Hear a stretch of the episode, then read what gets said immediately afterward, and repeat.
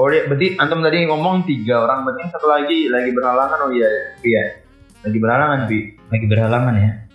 Berarti kita cuma kedatangan dua dua sih, Dua. perwakilan BPH. Eh, masa kita sebagai orang muslim gitu gak gak peduli atau ya nggak peduli terhadap waktu gitu nggak nggak peduli ya benar nggak peduli terhadap waktu gitu Jangan kayak itu. Pernah nggak Renzi? Benar. Pernah. Benar dong. Oke oke. Wah, Nah, amat dong. kalau dari kalau dari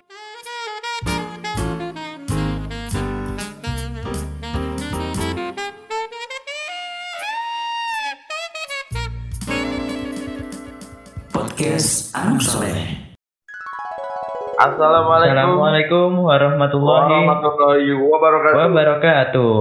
Kembali lagi bersama kita di podcast Anak Soleh. Solehnya podcast anak. Gas, gas, gas. Mantap. Jadi kita akan siap menemani kalian semua ke hari sekali spesial selama bulan Ramadan. Tentunya bersama Ana Hanan. Dan Ana Rafi'i Nah, yang satu lagi sakit. dan sakit sedang berhalangan. Nah itu, ya Shua teman kita Shua yang bisa kita permani kita bertiga ini Shua ini sakit ya. Jadi tidak Aduh. bisa menemani kita di episode kelima kali ini. Oke. Hanya buat teman-teman semoga semuanya eh semoga sembuhan. Eh ah, kenapa? Oke Apa? oke. Jadi pada episode kelima kali ini kita kedatangan tamu ya. Iya Ini benar. tamu-tamu yang benar-benar jadwalnya padat banget toh. Aduh, termasuk banget. sibuk gitu. Iya. Nah, jadi eh, untuk episode kelima kali ini kita akan membahas tema apa sih Nan? Temanya apa apa aja sih kerjanya BPH? Oh, berarti kita mengundang BPH ya. Iya dong. BPH Nah, itu sebelum apa? itu kita Nggak tahu juga kan perkenalkan kita. diri dulu. Kita perkenalkan diri dulu nih. Nah, sebelum itu kita say hi dulu nih buat eh, teman-teman BPH kita nih Nan. Ya boleh. Eh, halo Nandang. Assalamualaikum. Halo Nandang. Waalaikumsalam warahmatullahi Hai guys Eh, halo, ini ini suara Nandang nih. Yang satu lagi nih, mana Fauzan? Fauzan. Eh, ya ada apa Nah, Gimana kabar? Fauzan? kabarnya gimana dong? Alhamdulillah eh, sangat baik Sangat baik. Sangat baik. Oke, kita untuk biar tahu nih eh, lebih dalamnya antum siapa, antum dari mana. Nah, boleh perkenalan dulu dari mungkin dari Nandang dulu. ya terima kasih kesempatannya oke guys eh, perkenalkan nama Ana Nanang Fatur Rahman asal dari Subang Jawa Barat Subang Subang. Oh, Temennya Subang. Tegar ya? Temennya Tegar. Apa tuh? Oh, yang dulu dulu lah. oh iya Yang Oh, itu. kenal nggak? Bowo bukan? kenal di internet kenal di internet Wah, Oh, ya udah lanjut aja. Ya, lanjut. garing ya. Oke lanjut.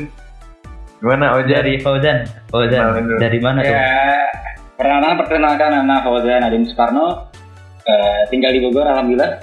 Ya, i- seperti itu saja, Seperti apa? Eh, Seperti apa? seperti itu. itu seperti itu. Nah, nah. Oh iya. Oke. Nah, kita ini nih setelah perkenalan eh, gini kita ada ngobrol-ngobrol santai sih tentang apa sih kerjanya BPH gitu. Dan kita kan mungkin dari teman-teman kan juga belum tahu nih BPH itu apa, kerjanya apa. Eh, mungkin boleh diceritain teman-teman Boleh. BPH eh, menonton dan mendengar. dari Fauzan boleh sih Fauzan menanggapi. Oke.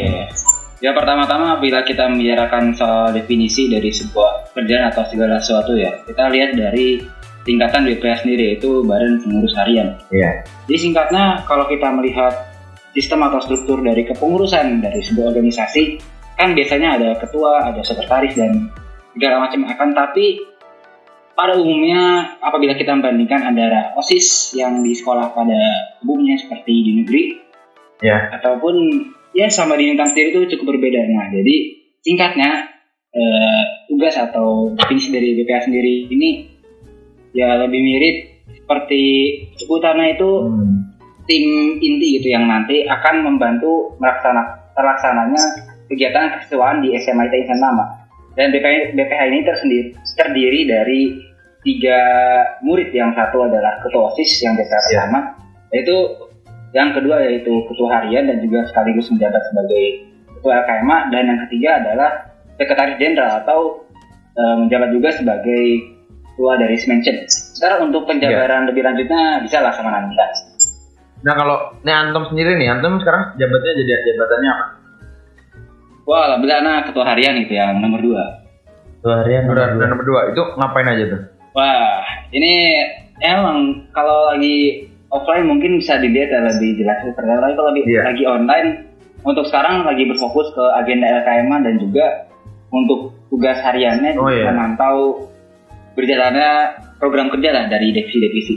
Ya berarti ini antum ketua LKMA ya sekarang ya? Ketua SMA. Oh, alhamdulillah gitu. Oh, nah. oh dia, berarti antum tadi ngomong tiga orang, berarti satu lagi lagi berhalangan. Oh iya, Pi ya. Lagi berhalangan, Pi. Lagi berhalangan ya. Berarti kita cuma kedatangan dua dua sih. Dua. Perwakilan BPH. Iya. Ya, sama kayak yang, ya, oke kita lanjut ke Nandang nih. Nandang, gimana nih menurut antum? Apa sih kerjanya BPH? Hmm, jadi gini, Bismillah. Jadi benar yang kata Ojan tadi, jadi eh, BPH, maksudnya organisasi di Insan Tama, OSIS di Insan Tama, sama di luar itu berbeda ya. Maksud- Perbandingannya berbeda gitu. Kalau di Insan Tama, kan eh, OSISnya itu satu angkatan ya, itu semuanya. Kalau OSIS luar kan dipilih kan ya, yang terbaik itu yang jadi pengurus. Nah, kalau di, di eh, apa namanya OSIS Insan Tama itu ada yang namanya BPH, yang telah dijelaskan Ojan tadi, singkatannya itu Badan Pengurus Harian. Nah, sedangkan eh, tujuannya atau apa namanya tugas job desk-nya itu eh, apa namanya menyelenggarakan eh, koordinasi itu baik in- internal maupun eksternal gitu dalam urusan organisasi gitu. Nah, untuk lebih jelasnya jadi kita ini dibagi menjadi tiga gitu. Jadi kan ada ketua OSIS, ketua harian satu yang disebut dengan sekaligus menjabat ketua KMA dan juga sekretaris jenderal dan juga menjabat sekali sekaligus mention gitu ya. Nah, Hmm. ini eh, di OSIS kan ada 10 divisi ya. Iya. Iya enggak? Iya. Ya, 10 divisi kan. Iya. Nah, 10 divisi, divisi ini itu dibagi, dibagi lagi gitu. Jadi eh, biar rata, biar eh, mempermudah ketua OSIS juga. Sebenarnya tugas utama divisi ini eh, itu ketua OSIS gitu. Tapi biar lebih mudah kita kerjasama juga antara BPH satu dengan BPH yang lain, maka dibagi lah gitu. Ada yang megang empat divisi, ada yang megang tiga divisi, ada yang megang tiga, tiga divisi lagi gitu. Jadi dibagi gitu jobsnya gitu. Oh, terarah. iya. Ya, Berarti gitu. masing-masing BPH 3 itu ah, mengkepalai beberapa divisi di bawahnya ya. Ya benar-benar. Berarti kalau antum nih sekarang jadi apa? Karena jadi sekjen, sekretaris jenderal. Nah, itu Dan- ngapain tuh? Terus jenderal ngapain? Eh, sebenarnya tugas utama sekretaris jenderal itu kan menjabat ya, menjabat sebagai ketua mention gitu. Ah, Nah, karena ketua karena mention udah lewat, udah berlalu, kita alhamdulillah udah lancar kemarin. Nah, tugas anak Iya. membantu apa namanya membantu ketua OSIS membantu ketua harian gitu, sekjen. itu hari Sama ya. yang telah dibagi Oh. tadi tiga tiga divisi tadi gitu. Oh. Oh iya iya iya. Iya ya. Oke. Terus eh, ini nih ada lagi nih eh, untuk tips and trick sih eh, manajemen waktu gitu kan antum BPH nih. Terus bagian manajemen waktunya tuh gimana sih untuk Fauzan dan Ya. Nandang itu sendiri gitu selaku BPH? Wah, kita sekarang berbicara soal manajemen waktu ya. Ini sebenarnya topik yang menarik banget gak sih? Iya. Benar, benar. Hmm. Nah ini tapi sebelum kita masuk, pertama-tama kita harus memposisikan ya, karena kita sebagai murid, eh, anak bersekolah di Insan Tama sebagai murid dan kalian juga sama untuk yang pendengar Insan Tama. Ya jadi singkatnya kita ini sebenarnya kalau dari secara general yaitu gak terlalu beda lah. Antum ada sesi 3, anak ada sesi 3. Anak belajar di kelas, kalian juga sama gitu. Jadi kalau kita mau berbicara soal eh, untuk pengaturan waktu, manajemen waktu, tidak feel down lah, kita kurang lebih sama. Akan tapi singkatnya, ya kami memiliki amanah atau kewajiban untuk memastikan progres atau program kerja yang lain juga berjalan dengan lancar gitu. Kurang lebihnya, kalau dari sih, ya pandangannya lebih kayak gitu lah. We are, we are all the same. Gimana, Dang? Kalau antum gimana, Dan? Gimana dong? Menanggapi soal tips and trick apa aja sih tips and trick manajemen waktu yang baik. Apalagi kan antum kan BPH nih. Gak hanya ya maksudnya dia tidak sebatas hanya pelajaran, pasti ada yang diperhatikan seperti divisi antum atau amanah antum itu gimana sih di manajemen di apa? Ya benar, benar banget ya. Jadi eh, sebenarnya ya benar tadi kata Ojan, kita kan sama aja, tapi ki- kita ada ada lebihnya gitu ya. Tadi kita eh, kami Iya. PPH itu Ojan sama Farhan itu kan megang amanah juga. Sebenarnya cukup jujur ya, sebenarnya cukup sulit sih ya untuk memanajemen waktu karena yang namanya amanah amanah kan BP ini amanah kan yang pasti amanah ini kan harus dikerjakan dengan serius kan ya. Jadi Iya. cara membagi waktunya itu kalau anak sendiri ya pribadi. Itu membagi waktunya dengan cara gini. Cari apa ya misalkan ya sebenarnya jujur anak sendiri sulit untuk mengatur untuk memanajemen waktu. Tapi eh, anak juga berprinsip gitu supaya hidup itu berfaedah bermakna gitu. Jadi harus di manajemen gitu waktunya. Nah kalau dari anak pribadi itu manajemen pribadi anak Iya. itu yang pertama eh, apa namanya bagi antara waktu organisasi sama waktu belajar gitu. Hmm, iya. nah kan waktu organisasi kan ya setiap ini kan ya setiap waktu gitu. Maksudnya setiap waktu kan kadang dapat amanah itu kan tiba-tiba gitu kan. Nah jadi dahulukan yang yang wajib dulu gitu. Sebenarnya menuntut ilmu itu wajib tapi Iya. ada sesuatu yang lebih wajib gitu maksudnya lebih wajib itu yang darurat gitu keadaannya gitu gitu sih kalau dari anak Oke, berarti itu ya eh, kayak harus dipersiapkan antara waktu organisasi dengan waktu belajar ya. ya hmm. Nah, kemudian kalau pendapat kalian nih selaku BPH untuk eh, kenapa sih kita eh, eh, penting memanage waktu atau men- manajemen waktu itu kenapa sih kita penting gitu dalam kehidupan kita? Kalau menurut Fauzan sendiri dan Anda Iya. tuh gimana sih? Seberapa penting sih eh, manajemen waktu di kehidupan sehari-hari atau kita sebagai pelajar?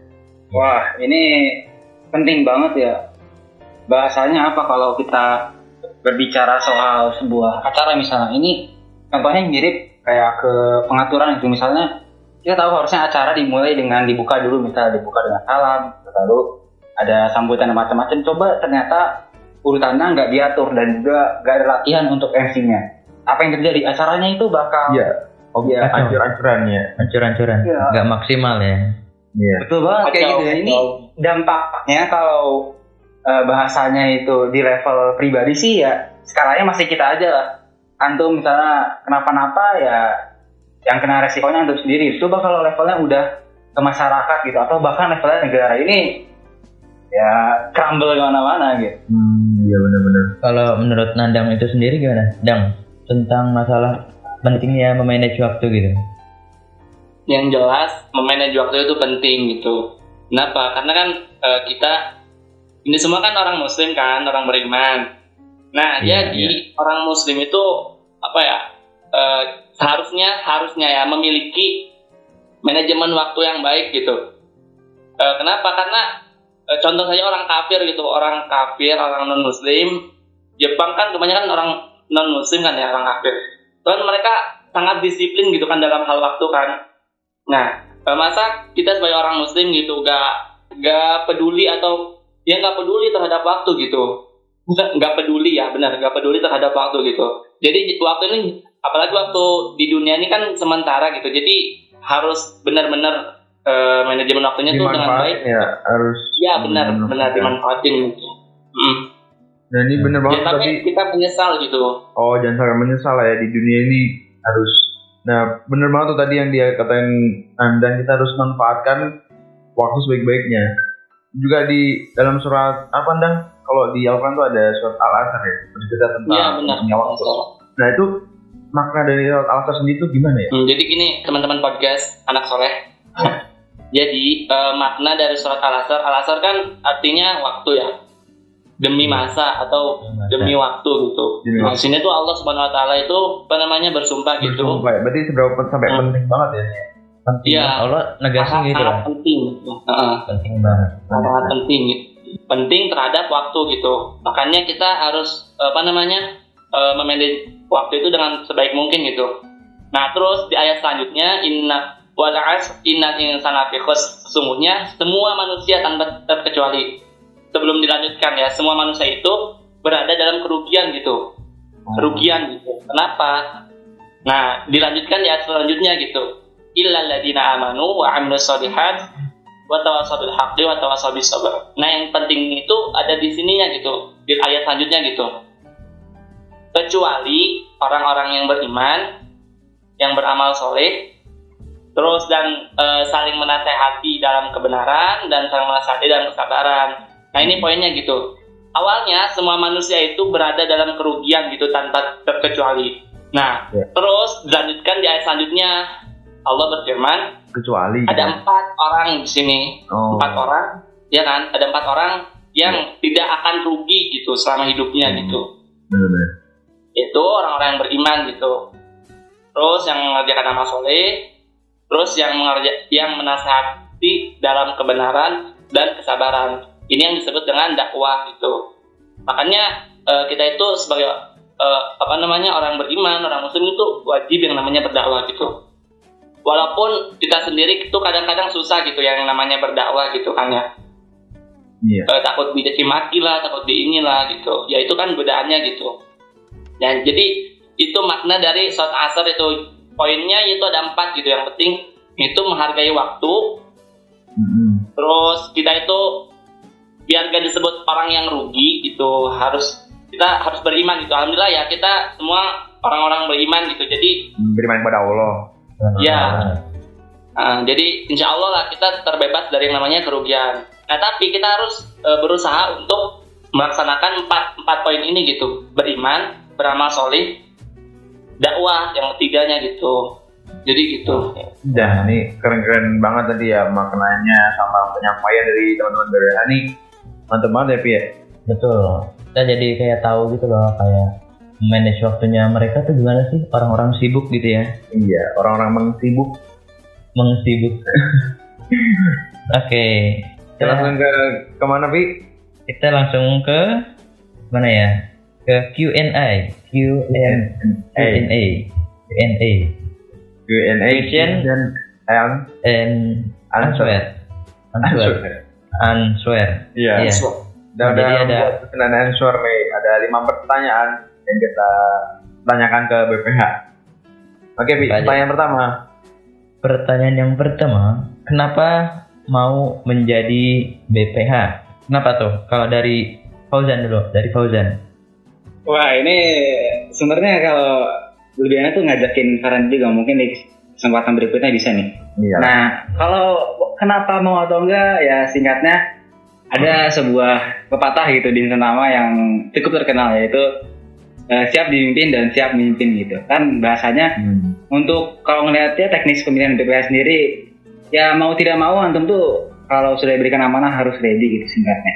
Jadi Nah, kalau ready. dita- ditanya kenapa mau gitu singkatnya ya ini sudah jadi kalau udah kena udah jadi kewajiban ya jalankan aja lah gas. Oh, berarti harus harus ready ya? ready. Oh iya ready. Ready nggak? Jangan kayak itu. Pernah nggak ready? Benar. Pernah. Benar dong. Oke oke. Eh? Kalau dari kalau dari Lanjut ke lanjut Nandang. Nandang. Nandang, Nandang. Kenapa mau jadi BPH Nandang? Apa dang? Cerita cerita. Hmm, sebenarnya apa ya? Benar sih kata Ojan gitu. Eh, sebenarnya pribadi anda sendiri ya. eh, Ini kan dia sekolah calon pemimpin gitu ya. Kalau misalkan dia udah ditunjuk itu kan harus siap memimpin dan siap dipimpin gitu kan. Itu kan tagline-nya. Tapi sebenarnya semua orang itu dia gak mau yang namanya dapat amanah gitu. Kenapa? Karena kan Oh. amanah ini berat gitu kan. Berat ya. Ya kan? Ditanggung perjawabkan ya, ditanggung jawabkan di akhirat. Benar sekali. Jadi eh, Anda pernah dengar gitu kata-kata dari eh, Ustadz Ana gitu kalau gunung aja itu sampai gak mau membeban sampai gunung aja gak mau ini gitu gunung gunung gunung itu gak mau dapat amanah maksudnya dapat amanah dia diciptakan gitu Oh iya iya. Sampai sampai segitunya untuk amanah ya. Iya, apalagi manusia gitu. Tapi ada ada apa namanya ada istimewanya juga gitu. Apa istimewanya? Kalau kita udah terpilih, benar tadi kata Ojan, kalau udah terpilih itu udah menjadi tanggung jawab kita gitu. Jangan sampai ya kita lalai gitu. Ini sebuah ikhtiram kemuliaan yang eh, diberikan Allah melalui para guru gitu. Yang dia para guru insan nama gitu Iya. ya sekalian kita tuh di sini kan ya benar soal pemimpin gitu jadi dia harus siap memimpin dan siap dipimpin jadi seperti itu Nah, oke, mantap. Oke. Lanjut ke pertanyaan kedua. Pengalaman yang paling berkesan selama menjadi BPH. Jauh ini apa sih yang paling berkesan selama BPH? Oke, Nandang dulu nih. Selama, selama menjabat ya, singkat menjabat. Selama menjabat gitu. paling kan ini pas anak ke Bogor pas mention hari hari mention. Oh, berarti baru-baru ini dong. Baru dong. Berarti Iya. baru Yang ya. yang paling mengesan, mengesankan itu paling mengesankan. Oh, paling paling ya benar. Paling paling ya. Ya nggak apa-apa, ya nggak apa-apa. Bagus. Berarti emang itu kesannya di mana? Anda bisa dulu. Dari Karena ada suatu kejadian gitu, kejadian yang kocak banget. Intinya, anak waktu itu ya ceritanya sih panjang sih kalau cerita di sini nggak cukup gitu Oh, intinya. iya, Oh iya. ya, waktunya terbatas cukup. ya. Iya, iya. Iya. Berarti kalau dari Nandang sendiri yang berkesan tuh mention ya. Iya, semenjak kemarin karena dia juga ini kan ketua mention, jadi harus Oh, turun tangan terus. harus harus turun tangan, harus Iya. harus kerja kerja keras Harus. nih ya. Terus banting banting apa? Banting banting setir. Enggak, harus, harus kerja lebih lah intinya lah ya. Iya, benar. Oke, ke Ojan nih, pengalaman yang paling Iya. mengesankan jauh ini selama menjadi BPH. Wah, pengalaman yang paling mengesankan ya. Mungkin ya alhamdulillah semua yang mengesankan tapi ada hal random contohnya lagi rapat BPH terus nulis notulensi yang kebetulan laptop anak tuh bagian tombol startnya itu retak gitu. Jadi Iya. ya anak anak pegangin terus tiba-tiba pencet ya inailahi jadi harus ngulang lagi tapi nggak tahu itu berkesan atau enggak ya intinya ini dari anak sih pas rapat sih menyimak yang lain berpendapat tuh ya Lu- rasanya keren banget tuh Oh iya, bisa Asik, sampai kan? di di titik merapat bersama orang-orang penting tuh berkesan ya. Berkesan. Gak sama orang-orang penting juga sih, tapi yang jelas ngelihat kalian yang berpendapat tuh rasanya wah ini tuh angkatan kita tuh ada progres gitu semuanya Oh, iya. ingin Oh, mewujudkan sesuatu bersama-sama. Just like that lah. Oke. Benar benar benar. Oke, lanjut, Pi. Lanjut ke pertanyaan ketiga nih. Hal paling yang bikin antum ngeselin gitu selama menjadi BPH tuh apa sih? Hal yang Iya. bikin ngeselin gitu paling Walaupun ngeselin kita sebenarnya kita nggak boleh menyesali ya perbuatan Iya. tidak ada, tapi Maksudnya apa yang paling aduh gak enak lah. gimana Ya, gitu? Itu Serak- ada serak- apa? Ada serak-serak gimana gitu? Ya, gimana Jan? Nanti dulu Jan. Eh, paling ngeselin ya, paling ini sih eh, sebuah peristiwa yang sangat global mungkin sekarang ini yang membuat semua orang kesel juga gitu. Wah, tuh? Ini sangat berbahaya gitu karena dengan adanya ini tuh bisa mempengaruhi segalanya. wah. Oh. Ini Apa eh, teman? adalah sebuah peristiwa yang disebut dengan menghilang gitu atau sebutan lainnya AFK gitu. Ah, AFK, Tikra game. Oh, Oh, ini Ghosting. sangat berbahaya ini. ghosting. Ghosting. Ghosting. Bisa bisa. Oh, Oh, maksudnya ada anggota-anggota Domi yang menghilang Oh, atau teman-teman kita gitu. Iya, kadang-kadang. Oh iya, iya. memang gimana ya? Kita kan nggak tahu dia lagi ngapain, tapi kan ya kok kok, menghilang gitu kan ya? Nggak tahu lah ya. Ya semoga Bukannya dimudahkan lah kita. Ya, ya semoga dimudahkan. Kita nggak tahu dia ngapain. Semoga kita husnuzon aja. Oke, lanjut ke Nandang nih. Apa nih yang paling nggak enak lah selama jadi BPH tuh pas ngapain? Jadi salah satunya tadi yang Ojan katakan gitu ya. Ada anggota OSIS yang ya gitulah. Ya Salah itu salah satunya. satunya. Ya, kalau antum kalau Ya. pribadi, Kalau pribadi sih ya kalau misalkan dia ngerjain amanah itu gak gak ini karena juga kadang males gitu ya jujur beneran no. tapi karena kalau kalau bukan juga males teman-teman. kan BPH juga manusia. Nah, Iya benar. Sekali Iya, lagi kita juga manusia teman-teman. BPH juga manusia. iya tapi Jadi, kan ya karena Lanjut, ini amanah Ya benar. Amanah. benar. maka, maka harus sungguh-sungguh gitu jangan Iya. dibuat males gitu tapi kan dia namanya manusia wajar kali ya wajar tempat salah dan dosa. Oke. Terus eh, ini nih, langsung next question ya. Oke. Pertanyaan yang terakhir aja kalian ini. Yang terakhir. Yang terakhir. Terakhir. Siapa role model kalian dalam hal kepemimpinan? Jadi selama antum BPH tuh ada nggak sih orang yang antum pengen jadi kayak dia gitu misalnya? Ya panutan, Oh. panutan Panutan ibarat panutan ya, panutan. di hal kepemimpinan dalam. Kepemimpinan gitu. Ada nggak dari Ojan? Wah ini kalau kita berbicara soal role model kepemimpinan kan kalau yang tahu seperti kata-kata dari motivasi pakar tuh untuk menjadi menjadikan tahap dari leadership yang level metanoia itu ada sekitar lima tahap gitu yang di antaranya itu berkembang dari tahun sekitar ya 60-an sampai nanti hampir sempurna pada tahun 2000-an. Akan tapi ada role model yang sebenarnya dari 14 abad yang lalu tuh selalu gitu menjadi panutan bagi seluruh ya umat muslim tentunya. Coba ada yang pasti tahu lah kita semua, ya enggak? Siapa? Benar. Abu Lahab. Wah ini parah banget ya. Itu Nabi Muhammad Shallallahu Alaihi Wasallam. Sallim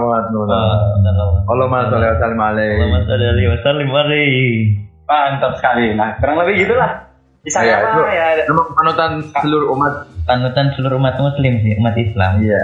Oke, kalau Nandang role modelnya ada gak? Ya jelas tadi sama gitu. Sama. Sama. Nggak nggak nggak Oke. bakal berubah gitu. Jadi kita semua sama. Coba kalau misalkan di bawahnya Nabi nih, maksudnya Iya. Nabi Muhammad, ada nggak yang ya yang zaman gitu, atau- zaman nama kita lah Iya, kakak kelas atau teman atau atau mungkin atau tokoh publik gitu atau tokoh ya itu ada nggak? Karena kurang update ini sih ya. Ya paling kan di di ini kali ya di ya di sekolah gitu maksudnya Ya di sekolah Pak, dulu. pakai rebet kali ya, pakai rebet tuh. Iya. Ya pakai rebet ya guru-guru itu bisa jadiin contoh gitu role model Oh gitu ya, kan. benar benar benar. Benar sih. Oke. Oke, Pi. Kita sudah cukup panjang ngobrol soal Panjang. manajemen waktu, kepemimpinan, terus apa aja sih kerjanya BPH. Nih. Oke, kesimpulannya tuh kita di sini harus benar-benar me- manage manage waktu yang ada. Jangan sampai kita rugi, jangan sampai kita apa ya? Menyanyiakan waktu lah ya. Ya, Lalu bulan Ramadan kita harus perbanyak tilawah, baca Quran, pokoknya beribadah lah ya, meningkatkan keimanan kita. Oke, kam- kita juga dari podcast anak soleh terus mengingatkan di mana pun kalian berada dan kapan pun kalian mendengarkan ini tetap menjaga 3M. Apa aja, Pi? Memakai masker, menjaga jarak dan mencuci Mencuci tangan. tangan.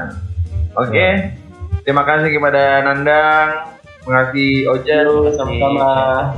udah datang di podcast anak soleh. Oke, di sini Ana Hanan. Dan di sini Ana Rafi'i. Ian, terima kasih. Wabillahi taufiq walhidayah. Wassalamualaikum Wassalamualaikum warahmatullahi warahmatullahi wabarakatuh.